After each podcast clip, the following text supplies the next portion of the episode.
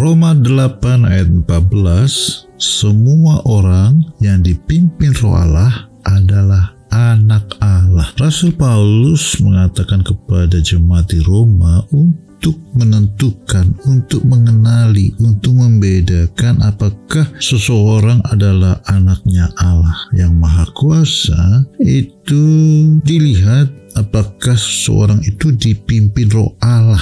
Apakah hidupnya keputusan-keputusannya langkah-langkahnya. Orang bisa mengenali ada roh Allah yang memimpin hidup seseorang tersebut. Sebab itu tidak mungkin anak-anak Allah hidupnya kacau, gagal, nggak menentu, bingung, kaget-kagetan. Karena semua orang yang dipimpin roh Allah tidak mungkin tidak bisa berkuasa atas segala situasi yang Tuhan izinkan dialami. Tidak berarti tidak ada masalah, tidak ada persoalan, tidak ada tantangan, tetapi tuntunan Allah, pimpinan roh Allah pasti akan membawa seseorang tersebut mengalami kemenangan-kemenangan di dalam hidupnya dan semua orang bisa melihat ada yang beda. Ya tentu saja beda karena roh Allah memimpin kehidupan seseorang tersebut. Amin.